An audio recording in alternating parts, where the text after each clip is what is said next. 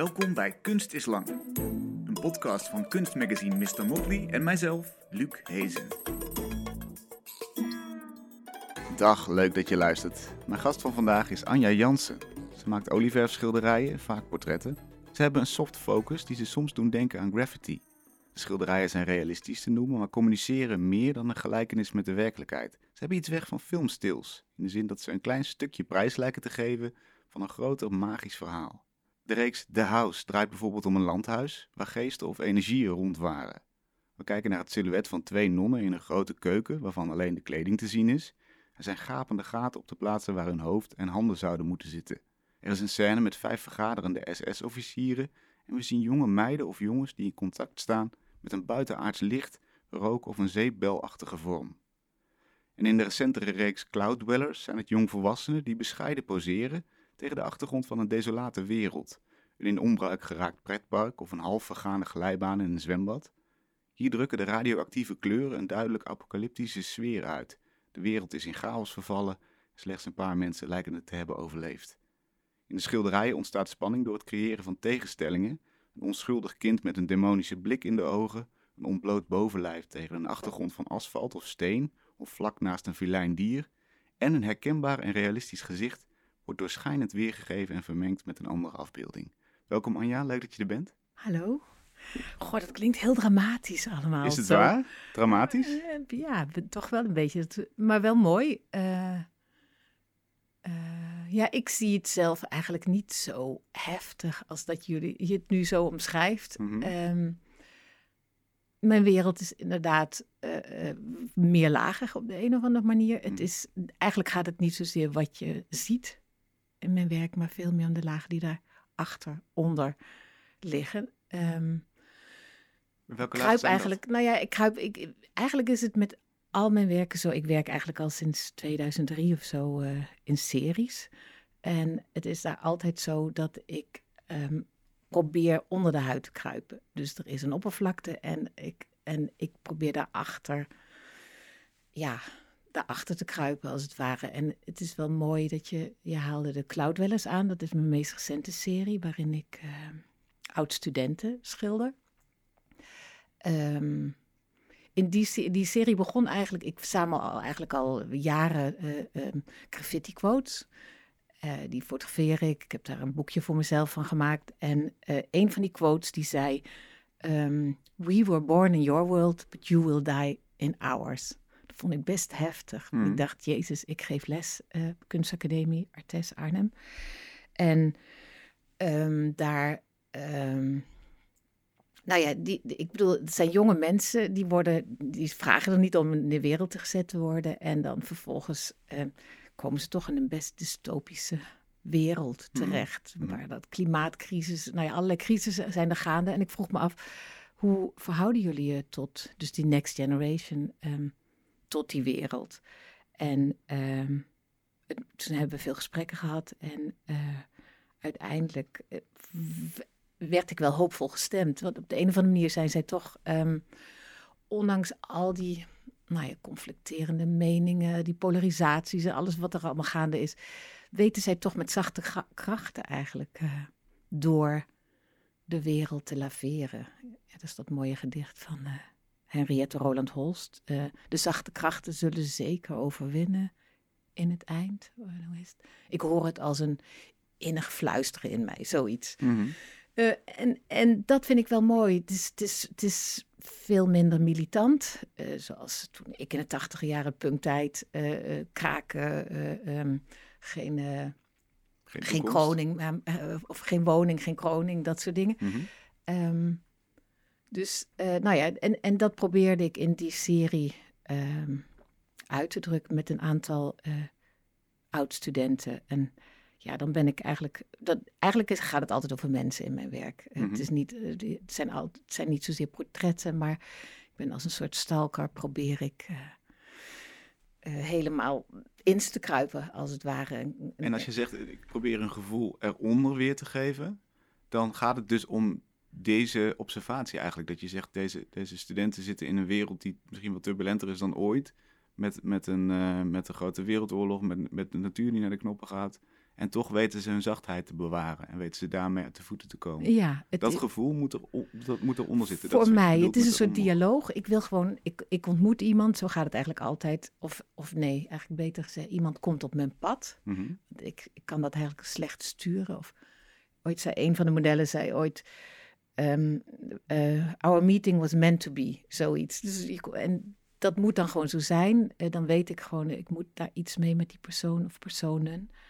En ehm, dan gaat er een dialoog, zowel in, in de echte wereld als in mijn atelier. Ik maak heel veel foto's van iemand, we raken bevriend. Eh, ja, dan ben ik echt zo'n soort stalker eigenlijk. Ehm, Hoezo stalker? Gaat het eh, stuur je nachtelijke appjes? Of, wa- hoezo Het is nog net niet zo erg, nee. Maar het, wel dat ik gewoon zo gefascineerd ben door iemand... dat ik gewoon, ik, ik wil daar meer van weten. Het is, ik wil...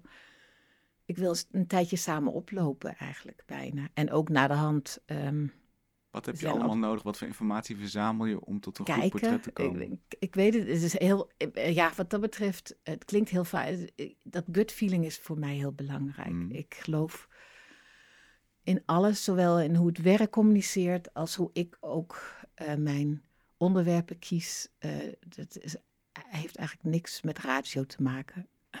Dat, dat is gewoon... Ik weet gewoon dat het zo is. en ehm, zo eh, ga ik ook zowel eh, de- met naar de mensen of met, de, met die, die modellen om als wel eh, ook in mijn werk. Ehm, Dus dan, dan is een twee sessies op een kruk zitten niet Nee. genoeg. Dan moet je weten Dat wat helemaal iemand drijft. of Nee, moet je iemands achtergrond kennen? Hoe, hoe ver gaat het? eh, ik moet iemand goed kennen. Dus het is ook echt een lang, lang proces voordat ik überhaupt kan schilderen. Ik ben gebiologeerd door iemand, dan leer ik iemand kennen. Dan maak ik heel veel foto's. Ik ben een hele slecht fotograaf. Ik doe dat gewoon met mijn telefoon. eh kiekjes maken. En dan eh, leg ik een archief aan van handen, hoofd, eh, lichaamshoudingen. eh, en soms wil ik iemand weer zien, omdat ik iets, als ik bezig ben met een schilderij. En dan gaat eigenlijk de dialoog. Nou ja, en dat, dat archief heb ik ehm, dan in mijn atelier.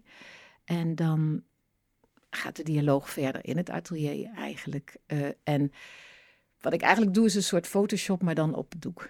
Eh, ik bedoel, ik, ik weet heel weinig van eh, computers. En dat wil ik ook wel zo houden. Maar ik weet, ik, ik ga dan aan de slag. Ik wil iemand een bepaalde uitdrukking geven. Of ik heb een bepaald idee over hoe iemand keek of zich voelde.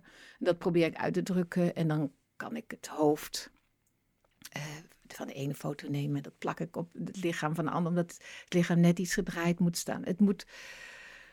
eh, Ja, het, moet, het, het wordt eigenlijk een soort gesprek. eh, en dat een gesprek- verhaal met die, wat we met z'n tweeën maken eigenlijk. Wel. dat gesprek is met het doek en met jou. Hè? Dus, dus hoe, die, hoe die figuur zich verhoudt. Ja, het is een beetje een driehoeksverhouding eigenlijk. Want het oorspronkelijke idee is er natuurlijk ook nog. Het idee Dat- van die reeks. Of niet? dat Ja, er is eerst een, een, nou, er is eerst een gevoel. Ik denk dat ik het ongeveer daarover eh, wil gaan hebben. Mhm. Eh, en dat, die ideeën krijg ik eigenlijk meestal eh, tijdens het wandelen.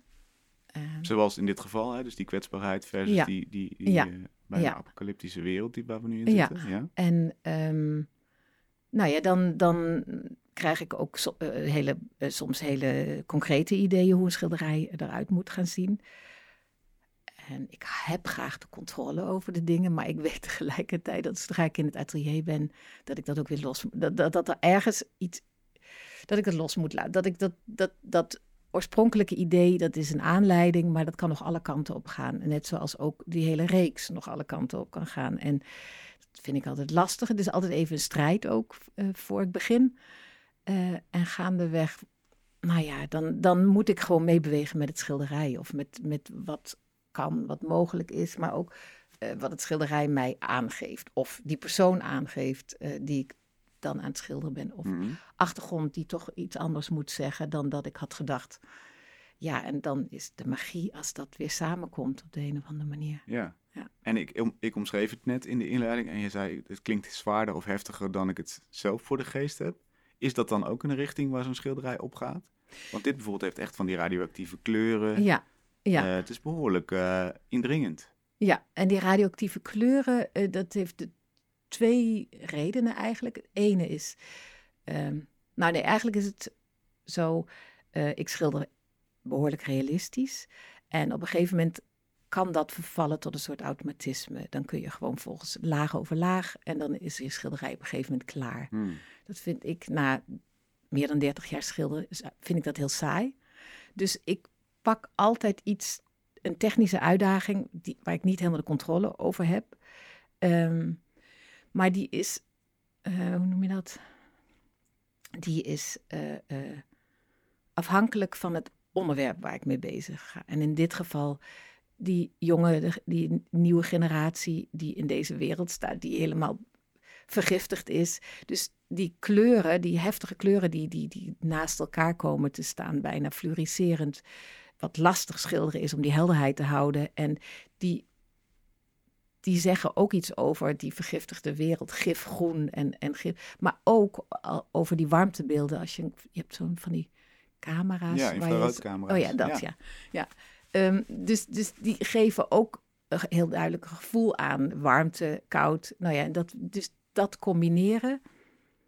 Dus het zegt inhoudelijk iets over wat ik wil schilderen, maar ook technisch is het voor mij ook dan meer een spel. Ja. Om, eh, en dat is eigenlijk altijd, of het zijn heel bewegende beelden die ik schilder, bijna fotografische bewegingen, of ehm, heel nou, extreem die kleurverschillen, of uh, uh, hele vervreemdende perspectieven.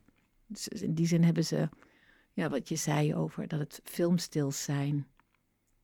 Um, ja, dat, dat, dat zij, is het wel. Te, het is vrij filmisch, mijn werk ook, mm of fotografisch. Ik houd ook heel veel van uh, fotografen, van fotografie.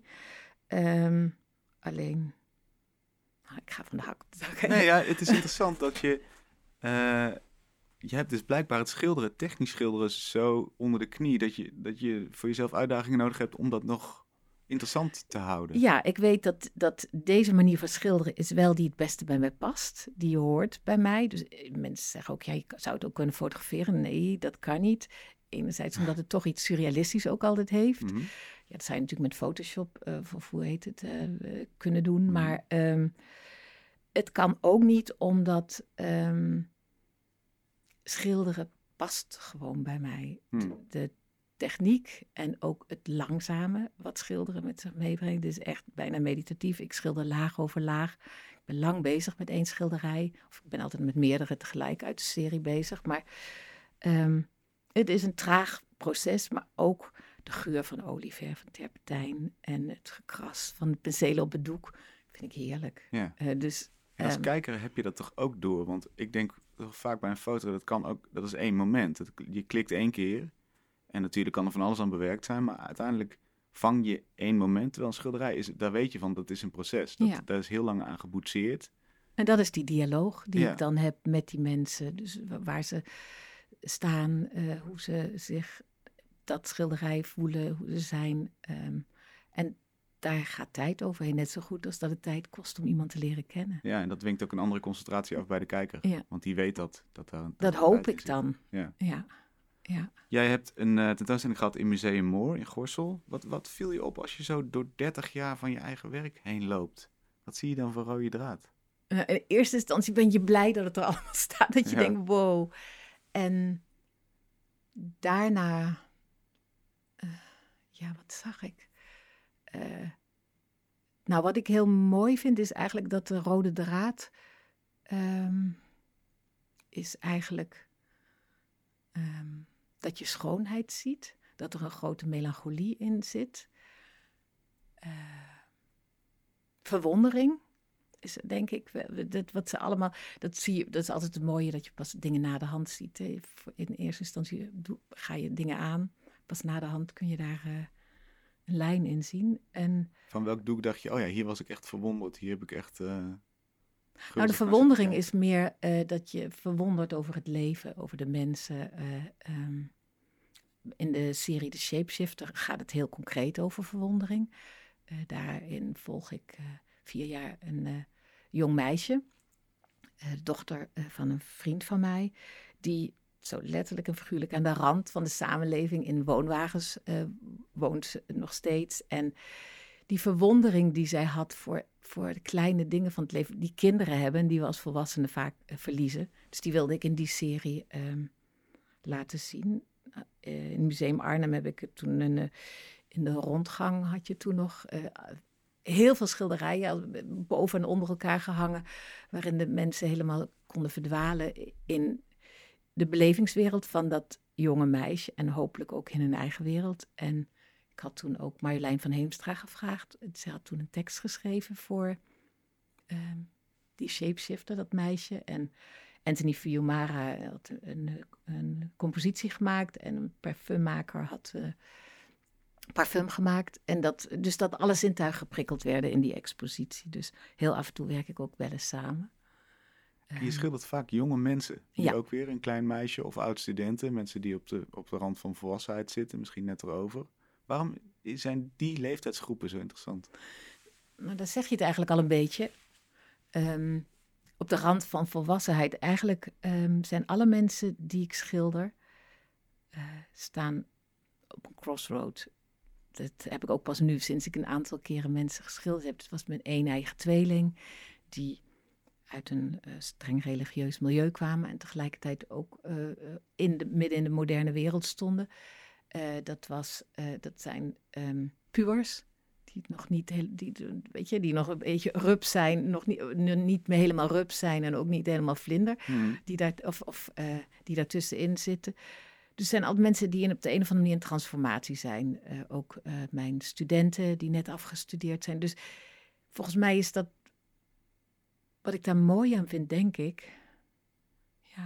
Dat, dat ze een soort, volgens mij is het een soort licht wat, ze dan, wat mensen uitstralen. Dat ze dan, je staat heel erg open op het moment dat je in, in transformatie of op een, op, op een kruispunt staat in je leven. Weet je, dan moet je alles openzetten, omdat je niet, anders niet zo goed kunt voelen waar je naartoe moet. Dus volgens mij is het dat een beetje. En het zou misschien best ook een ouder iemand zijn, maar ik zie wel bij veel oudere mensen, die weten al zo goed hoe het gaat. Die, zijn gestold. Die zijn gestold, dat klinkt zo mooi, ja. ja.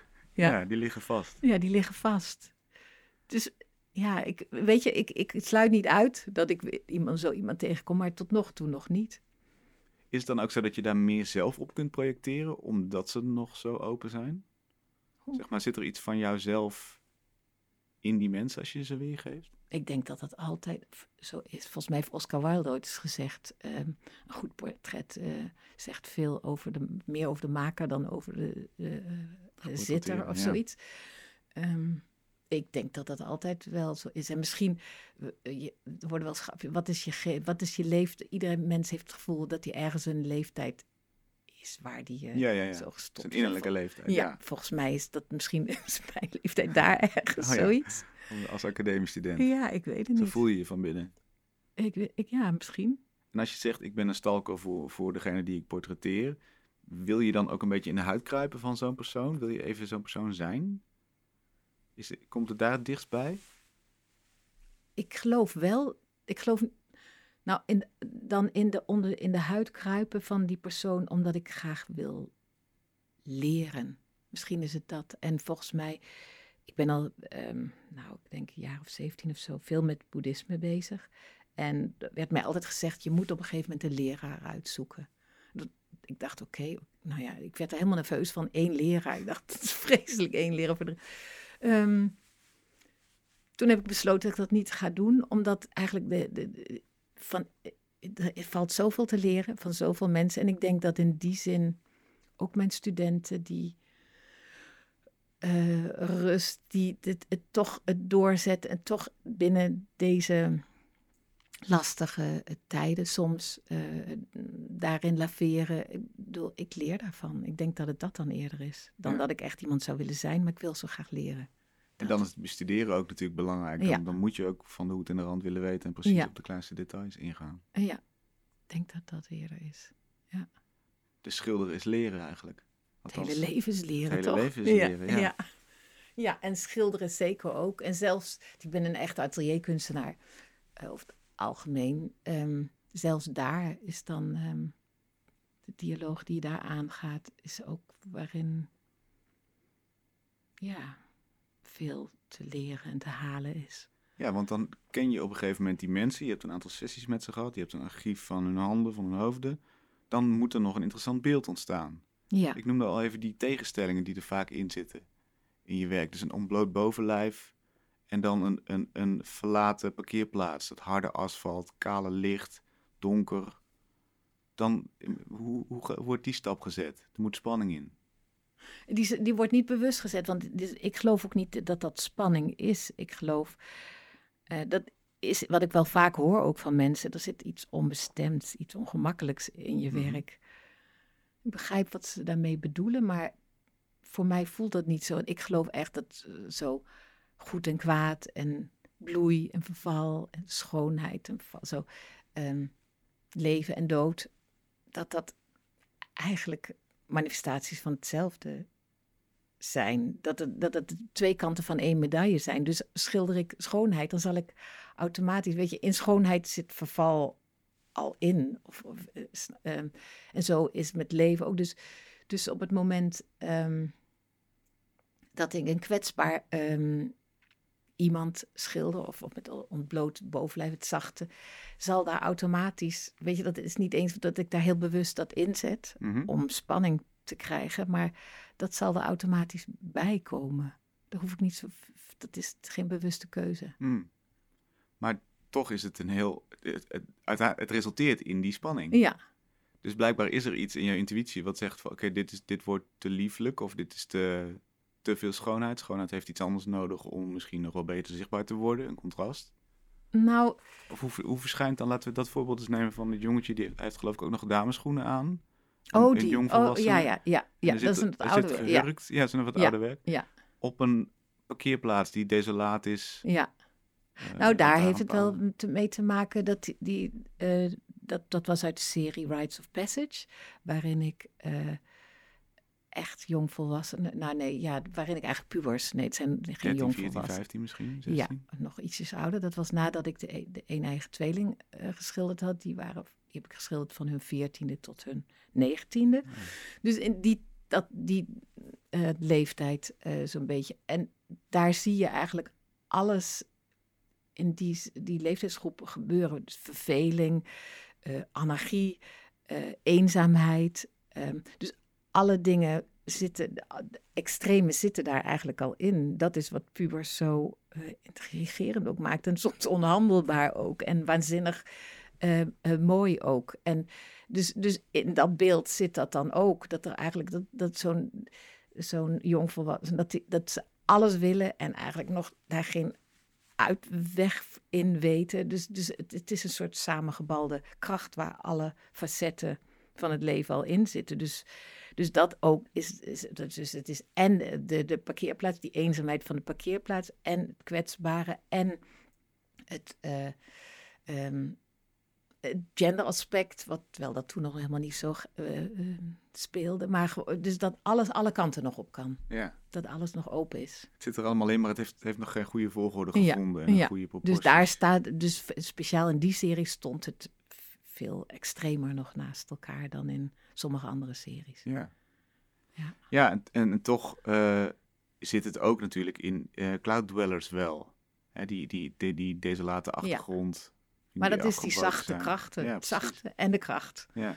Dus, dus wat, wat, wat samen speelt daarin. Ja. ja. Het ongemak is dus eigenlijk ook wel een, een thema. Je zei dat ze net al, mensen uh, geven me dat vaak terug. Terwijl ik het zelf niet zo ervaar. Het er niet zo uitpik. Ja. Zijn wij dan gewoon niet gewend aan ongemak? Is dat het? Kijken we naar kunst om, om uh, iets plezierigs te zien? Nou, ik denk wel. Um, uh, Susan Sontag zei ooit iets moois daarover. Ze zei: kunst uh, heeft het vermogen om mensen nerveus te maken. En dat op het moment dat we kunst tot inhoud reduceren of, en het vervolgens interpreteren, dan temmen we een kunstwerk of dan maken we het beheersbaar, zoiets. Mm -hmm. Pas je het in in je eigen systeem. Ja, ja, en dat is eigenlijk wat we dan doen op zo'n moment. En volgens mij hoop ik in ieder geval dat mijn werk meer non-verbaal verbaal communiceert. En dat je ook twijfelt als je voor het werk, dat je het niet, niet weet. Volgens mij is het niet weten, want dan laat je even die ratio voor wat het is en dan laat je even alle concepten, wat, wat je weet over kunstgeschiedenis, over, nou ja, over wat je mooi en lelijk vindt, laat je los. En dan is er alleen een soort kut feeling of een, een, een, een emotie die er misschien over je komt. Nou, en in mijn geval is dat vaak zo dat mensen ofwel mijn werk er erg van houden of ze haten het echt. Dat vind ik eigenlijk wel goed. Dat het gewoon nooit onverschillig laat. Waarom haat iemand jouw werk? Eh, vertel Omdat, eens, hoe gaat omdat dat? het Wat hoor je dan? eh, dan hoor je, nou ja, het, het- het is te realistisch, het is te kleurig, het is van alles te. Oh ja. Zoiets. Volgens mij is het dat. Ja, ja. En daar ben je wel blij mee. Dat is, dat is, dat is beter Nou ja, dan dat iemand een, zegt, dat, oh ja, ik vind schilderij. blij, kan ik, niet- het, ik vind het wel, ik, het is wel goed, Ja. denk ik. Want ik vind niks zo erg, ook als ik zelf wer- eh, kunst zie of naar een museum ga. ehm, ik vind het niks zo erg dat je een wer- iets ziet wat je niks doet. Waar je denkt, oh, dat is wel oké. Of het is alleen maar een leuk eh, gimmick. Mhm. En daarna ben ik vijf minuten later, dan- dan sta je buiten het museum en je denkt, eh, wat heb ik eigenlijk ook weer precies allemaal gezien? ja. Een werk waar, wat, ik, wat mij heel ongemakkelijk maakt, wat ik heel vervelend vind, wat ik vreselijk vind, vind ik wel een goed werk. Eh, Net zo goed als een werk wat ik prachtig, overweldigend enzovoort vind. ja, maar omdat het je horizon verbreedt, ja, eigenlijk. je gaat, nou ja, ja je, je, heet het? Je, je denkt na over of, of, je, of je voelt, of je stelt vragen over, eh, wat, je, over wat je ziet. Ja. In plaats van er gewoon aan voorbij te lopen. Is dat dan ook zo in het atelier? Weet jij wanneer, wanneer het die kwaliteit bereikt heeft? Nee, dat weet ik eigenlijk nooit. Je weet op een gegeven moment eh, ehm, dat het klaar is. En pas op het moment dat het het atelier uitgaat en het ergens hangt, zie je het met de ogen van een ander. Hmm. En pas dan denk ik, oh, oké, dit is oké. Nou ja, zo. Ook wel eens niet oké, dat je denkt, dit is ook ik wel eens niet oké. Nou, eh, dus soms in het atelier weet ik al, en dat is vaak tussen series, dat ik even eh, denk, oh, en nu? Eh, Weet je, dat bekende zwarte gat. eh, Komt er nog iets? Tot nog toe is er altijd nog iets gekomen. Maar dan ben ik af en toe een beetje aan het kijken of aan het zoeken. Dan kan het soms wel eens zijn dat iets niet helemaal een goede kant op gaat. Hmm. Die, maar die, die komen ook nooit het atelier uit. Is intuïtie de enige maatstaf? Denk je gewoon, is het, want ik, ik hoor in alles wat je zegt eigenlijk een soort voelen of weten, Wel veel, onbewust. Wel veel, maar je, je ontkomt natuurlijk niet aan als je al zo lang aan het schilderen bent. En, en, en zo, dat je bepaalde dingen weet over compositie. Ik bedoel, dat geef ik mijn studenten ook voor een deel mee. Ja, er is bijvoorbeeld één schilderij, Ecce Homo heet dat, waar ik met een witte hoodie op ehm, sta. En dan houd ik een eh, schedel in mijn hand. Hmm. Dus ik kijk naar waar we eh, allemaal naartoe gaan uiteindelijk. En dat was zo'n. eh, nou ja, dat was geïnspireerd op Zurbarán, zo'n Spaanse schilder. Waanzinnig mooie schilderij van monniken. Hele donkere schilderijen. Monniken met bruine monnikskappen op. allerlei verschillende monniken naar zo'n schedel kijken. En ik heb dan de hedendaagse variant geschilderd. Maar dat was zo'n dwingend beeld. Mijn gezicht, de kijkrichting naar die schedel. En dat ging maar de hele tijd heen en weer. Dus de kijkrichting gaat. En dat vond ik heel dominant. Vond ik heel onprettig. Het ging te, te hard heen en weer op de een of andere manier. En daar heb ik heel lang over zitten broeden wat ik daar mee moest. En die, dan staat zo'n schilderij maar eventjes zo in de hoek. Mhm. En ik kijk er eigenlijk niet meer naar. En ineens dacht ik, er moet een derde component bij. Want dan gaat het ehm, mooi in een driehoek en dan wordt het rustiger. Dus toen heb ik, het enige wat ik heb gedaan, en mensen vragen ook, waar, waar- waar- waarom zit daar? Dat is het tussen eh, de elleboog en de, ehm, de hoodie, of de zijkant eh, van het lichaam, zit er nu een heel, eh, of nou ja, van 5 bij 5 bij 5 centimeter, zoiets, een roze driehoekje. Dus de achtergrond is roze geschilderd in plaats van de, rest witte achtergrond. Ja. Dat was dan voldoende om, eh, ja, om het te laten, om de rust te geven in het schilderij. Dus dan, dus het is niet alleen maar helemaal gevoelsmatig. Dat is ratio. Dat Ja, is dat echt is wel raar. analyseren en Ja, kijken. ja, Dit is nodig. En, en natuurlijk, ehm, op het moment dat ik een aantal schilderijen heb gemaakt in een serie, ga ik ook wel zitten. Ga ik denken, wat zie ik nu? Probeer ik daar woorden aan te geven. eh, anders wordt het wel heel eh, vaag. Het wordt bijna therapie. Dus in die zin, maar het begint altijd wel met niet weten. Ja. En dan gaandeweg probeer ik de verbanden te gaan zien ook. En Ja. dan weer verder daarmee, daarop. Een andere reeks is The House. Die noemde ik al even in de inleiding. Ja, Ook een fascinerende reeks. eigenlijk als, met landhuis als, landhuis als thema, hè? Ja, ehm, dat was een plek waar ik toen eh, woonde. Eh, daar stond een vijftiger jaren hele grote bungalow. eh, daar woonde ik met mijn eh, toenmalige partner. En daar zat ook een privépark bij. En ik had een hond. En ik liet s'avonds de hond daar vaak uit. En het, was een, het lag op een heuvel. Hele mooie tuin met zichtlijnen. Ehm, toen dacht ik, ik ga toch eens opzoeken wat hier geweest is op deze plek. Dus toen ben ik het Gelders Archief gaan kijken.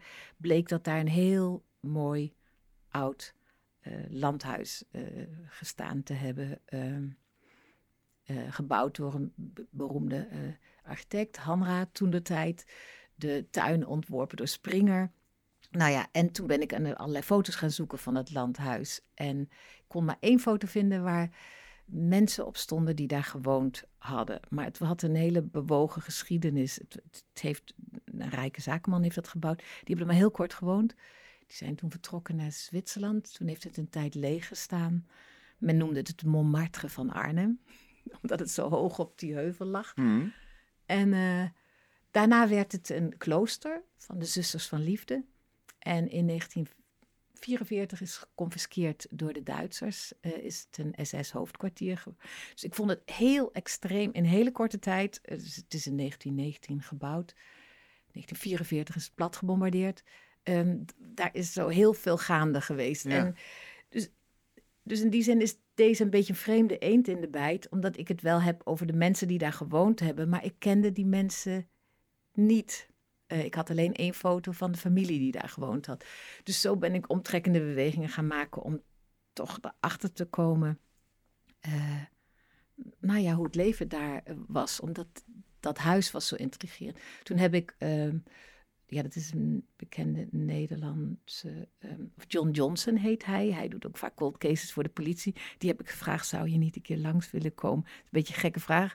Ik, ik wil zo graag weten Privédetective. ja, nee, nee, wat er, wat er eh, zo speelt. Hij, hij praat dan met de of ik weet niet hoe je dat moet noemen. Mhm. Dus, dus dat voelen wat daar zo zich plaats heeft gevonden. En hij is daar zo, dat vond hij wel een interessant iets, omdat hij meestal eh, eh, één persoon moet zien te adresseren of wat ook. En hier ging het over al die mensen die lagen, die daar, van mensen die daar eh, gezeten hebben.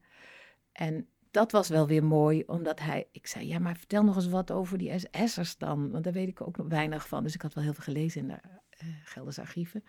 En zei hij, ja, zo werkt dat niet. Want het zijn allemaal transparante lagen die je ziet van dingen die in het verleden zijn gebeurd. Eh, Dus ik zie, dat, ik zie de ene laag zit soms ervoor, de andere, dus van een één leven en dan zitten de andere leven erachter Ja. dat was wel een heel mooi aanknopingspunt. Want daarom heb ik die schilderijen ook allemaal die transparanties gegeven. Dat de, Zo legde hij dat uit. zo legde hij dat uit. En dat was voor mij weer heel mooi om dat in te zetten, technisch, in ehm, Ah, die ja. schilderijen ook. Ja. En, en wat daar heel goed duidelijk wordt, is dat je dus blijkbaar geen mensen nodig hebt om die sfeer weer te geven. Want er, wordt ook bestek weergegeven. Ja. Er is een verwoeste kamer. Ja. En die ademen allemaal diezelfde intensiteit en diezelfde sfeer die je in portretten legt. Ja, omdat het natuurlijk wel allemaal artefacten zijn van mensen, van die mensen daar ook. Dus, Ja. dus die zullen al bezield zijn, misschien, door de mensen die ze vast hebben gehouden. Of wat ja, zo schilder je ze in ieder geval wel. Ja, zo, zo die intentie was er ook tijdens het schilderen. Ja. En de reden dat je bijvoorbeeld die zusters niet kent, is dat dan ook waarom we ze niet afgebeeld zien? Ik ben wel naar Tilburg gegaan, naar het hoofd, naar, hoe zeg je het, hoofdkwartier, het klinkt. Clubhuis. Het clubhuis van, van de nonnen daar in Tilburg zit, zit een grote ehm, afdeling. En het was wel heel jammer. Eén non die nog daar heeft gewoond, die was net een half jaar daarvoor overleden. Ah. Dus ik wilde wel echt, ik bedoel, ja, de, SS-officieren, daar ben ik niet meer echt achterheen gegaan. Hmm. Maar die nonnen wilde ik wel weten, hoe was dat? Nou ja, zo. Dus ik probeer wel dichter bij die mensen te komen. Hoe had dat een andere schilderij opgeleverd? Had je ze dan wel als mensen afgebeeld, die nonnen in de keuken? Want nu zien we een soort zwevende... Geesten. Ja, Ja, geesten. geest eigenlijk. Maar hun kleding zien we alleen.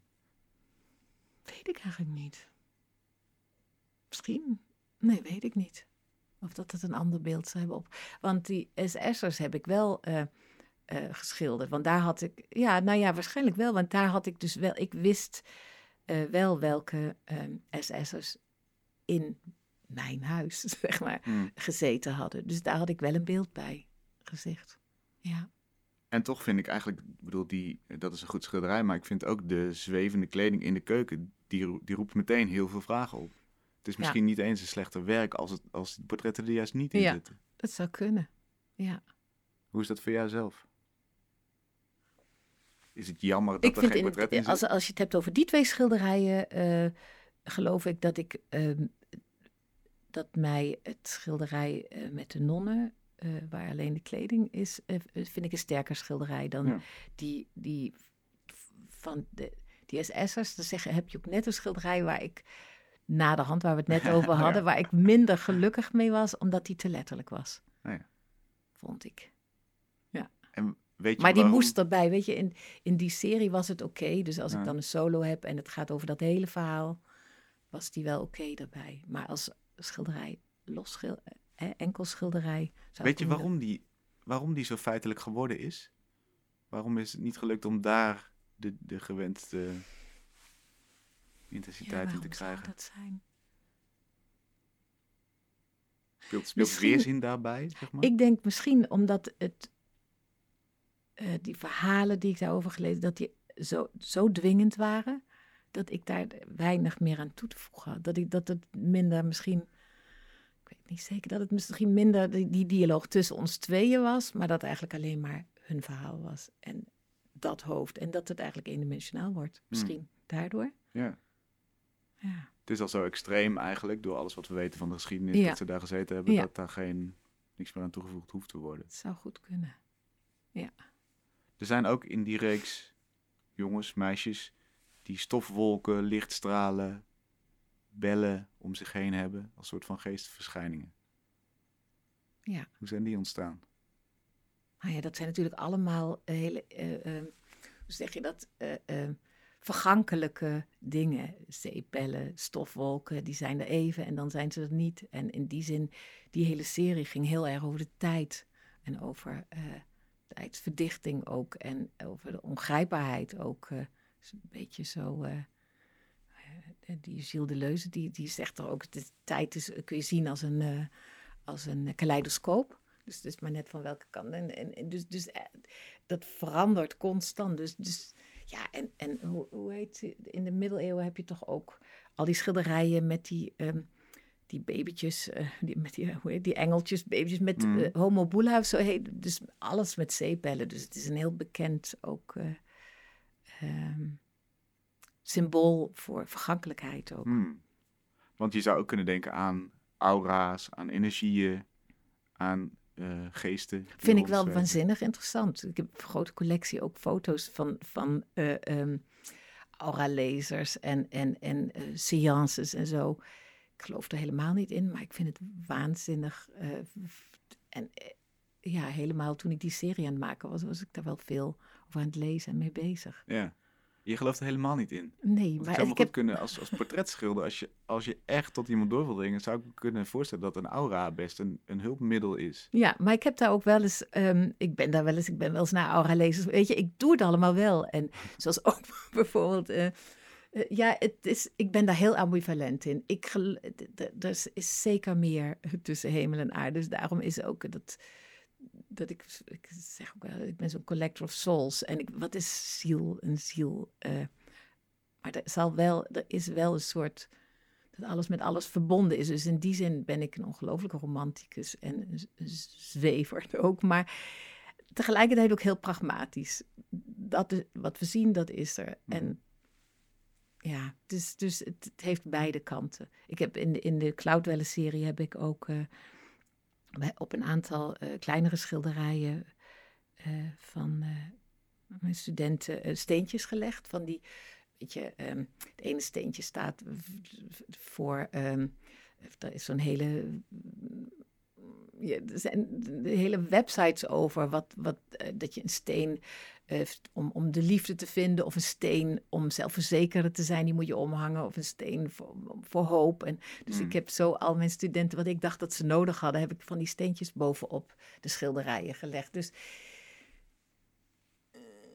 het, ik ben daar heel ambivalent in. Ik vind het iets heel moois. Ik weet alleen niet of het werkt. Nee, precies. Nee, Ja. maar de intentie is er en misschien is dat wat, wat telt. Ja. Hoe gaat je werk zich ontwikkelen, denk je? Je hebt, nu, de- je hebt net die overzichtstentoonstelling gehad, 30 jaar. Wat, wat, wat, de- gaat de komende 30 jaar brengen? Poeh, ik kijk nooit zo lang vooruit. Echt niet. Ik weet het De niet. komende ik weet drie alleen maanden misschien. de komende drie maanden. Ik ben wel weer aan het werk. Ehm, en er zit iets aan te komen, maar dat is nog zo pril. ehm, dat ik het eigenlijk niet eens dan ook wil eh, uitspreken. Omdat Mhm. ik echt nog niet weet welke kant het op gaat. eh, en dus dit is, ik ben een beetje eh, hier, dat, hier aan het schilderen, daar aan het schilderen. En ik weet niet of het samenkomt, maar ehm, Want zo werkt het. Je, Zo je, werkt je het. begint te schetsen, te schilderen. Nee, schetsen doe ik nooit. Nee, ik bedoel eh, Ja, schetsmatig schilderen, ja, laat ik ja. het zo zeggen. Nee, nee, zo werkt het niet altijd. Want het is, het is vaker. Nou, soms dan ga ik gewoon maar beginnen. En in dit geval ga ik gewoon maar beginnen. En er zit wel iets ehm, aan te komen. Ik. ehm, ehm, Nou, je hoeft het niet letterlijk te vertellen hoor, als je Nee, denkt van oké. het, het is nog niet concreet nee, genoeg. nee. Maar het gaat, het gaat maar meer om de werkwijze. Ja, nee. ik ben omtrekkende bewegingen aan het maken. Dat is eigenlijk wat Ja. het is. Ik weet, er- zit. Er is iets eh, waar ik wel mee bezig ben, dus daar ben ik ook veel over aan het lezen. Ehm, maar ik weet niet of dat het te persoonlijk is of te veel. eh, ehm, ja, ik, ik moet even kijken hoe het zich ontwikkelt. Ja. Ja. En zijn er elementen uit onze huidige tijd, bijvoorbeeld de digitalisering of eh, dingen waardoor je je ook kunt laten inspireren, dus los van een onderwerp, maar dat je ja, kijkt naar technieken, naar, naar ideeën waar mensen mee bezig zijn. Ik vind het wel interessant, alleen ehm, ik geloof dat ik heel erg old school ben. Oh ja. Daarin. Ja, en ik bedoel, ik heb daar natuurlijk zeker mee te maken, ook met mijn studenten. Dus in die zin verdiep ik me er wel in. Ehm, weet je, ik vind het een waanzinnig interessante ontwikkeling, die NFT's. Ik denk wel dat het ook kleren van de keizer is. Ehm, maar weet je, dat was in de 70 jaren met de eerste performance art, eh, zei ook iedereen, nou, dit is geen lang leven beschoren. Dus in die zin, al die golfbewegingen vind ik wel waanzinnig eh, boeiend om te zien. En ik denk ook, nogmaals, ehm, ik denk dat schilderen gewoon goed bij me past. Maar het is niet zo dat ik dat kies en niks anders. Ik, heb ook, ik ben ook begonnen eh, bij de serie People Say I'm Different. Eh, ben ik eh, de koppen gaan kleien. En ik weet dat ooit, vreselijk dat docenten zoiets zeggen. Maar op de kunstacademie zei ooit een docent tegen mij... jij moet nooit driedimensionaal gaan werken. Je hebt geen ruimtelijk inzicht. Mm.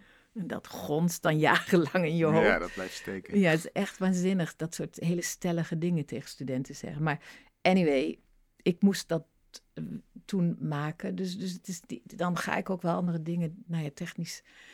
Nee, ik ben niet echt, ik ben een beetje digebeet, moet ik Ja. eerlijk zeggen. Daar En- vraag ik mijn studenten voor mij te helpen. Als ik iets, eh, iets heel, iets, iets, ehm, nou niet voor mijn werk, maar iets met computers moet doen. Het moet schilderen zijn, het moet doorleefd zijn. Nou, het moet in ieder geval heel direct zijn. Ik vind het eh, voor mij is, is eh, co- computers en is, is, is je ziet een plaat, maar er zit zoveel. Ah ja, nee, ik, ik Er kan zit er veel tussen, bedoel je? Er zit veel tussen. Nou, mooi. Duik het atelier in en, en eh, laat ons weer die mooie, eh, die mooie scènes zien die, eh, die tijdloos zijn en die ja, vervreemdend werken. Want ik denk dat dat toch wel de, de rode draad is. Ik ga mijn Mooi best doen. en lelijk en vervreemdend. Ja, nou ja, er is binnenkort eh, ehm, in het kunstgemaal in eh, Bronkhorst heb ik een eh, expositie samengesteld. Togetherness. eh, van mensen die ik, of kunstenaars die ik heel goed vind, maar die ik ook als mens heel goed vind. Dus vanaf 26 november is dat. Tot? ik, in januari ergens. Ook weet niet tot, waar, tot wanneer. Het is ook een prachtige plek, Bronkhorst. Dus ja, dus daar is ook wat van mijn werk te zien. Nog niet het nieuwe werk, maar Dankjewel, leuk dat je er was. Oké, dankjewel. Jij ook. Tot zover Kunst is Lang van deze week. Wij worden mogelijk gemaakt door het Prins Bernhard Cultuurfonds, het BNG Cultuurfonds en het KF Heine Fonds. Waarvoor veel dank. We zijn er volgende week weer. Heel graag. Tot dan.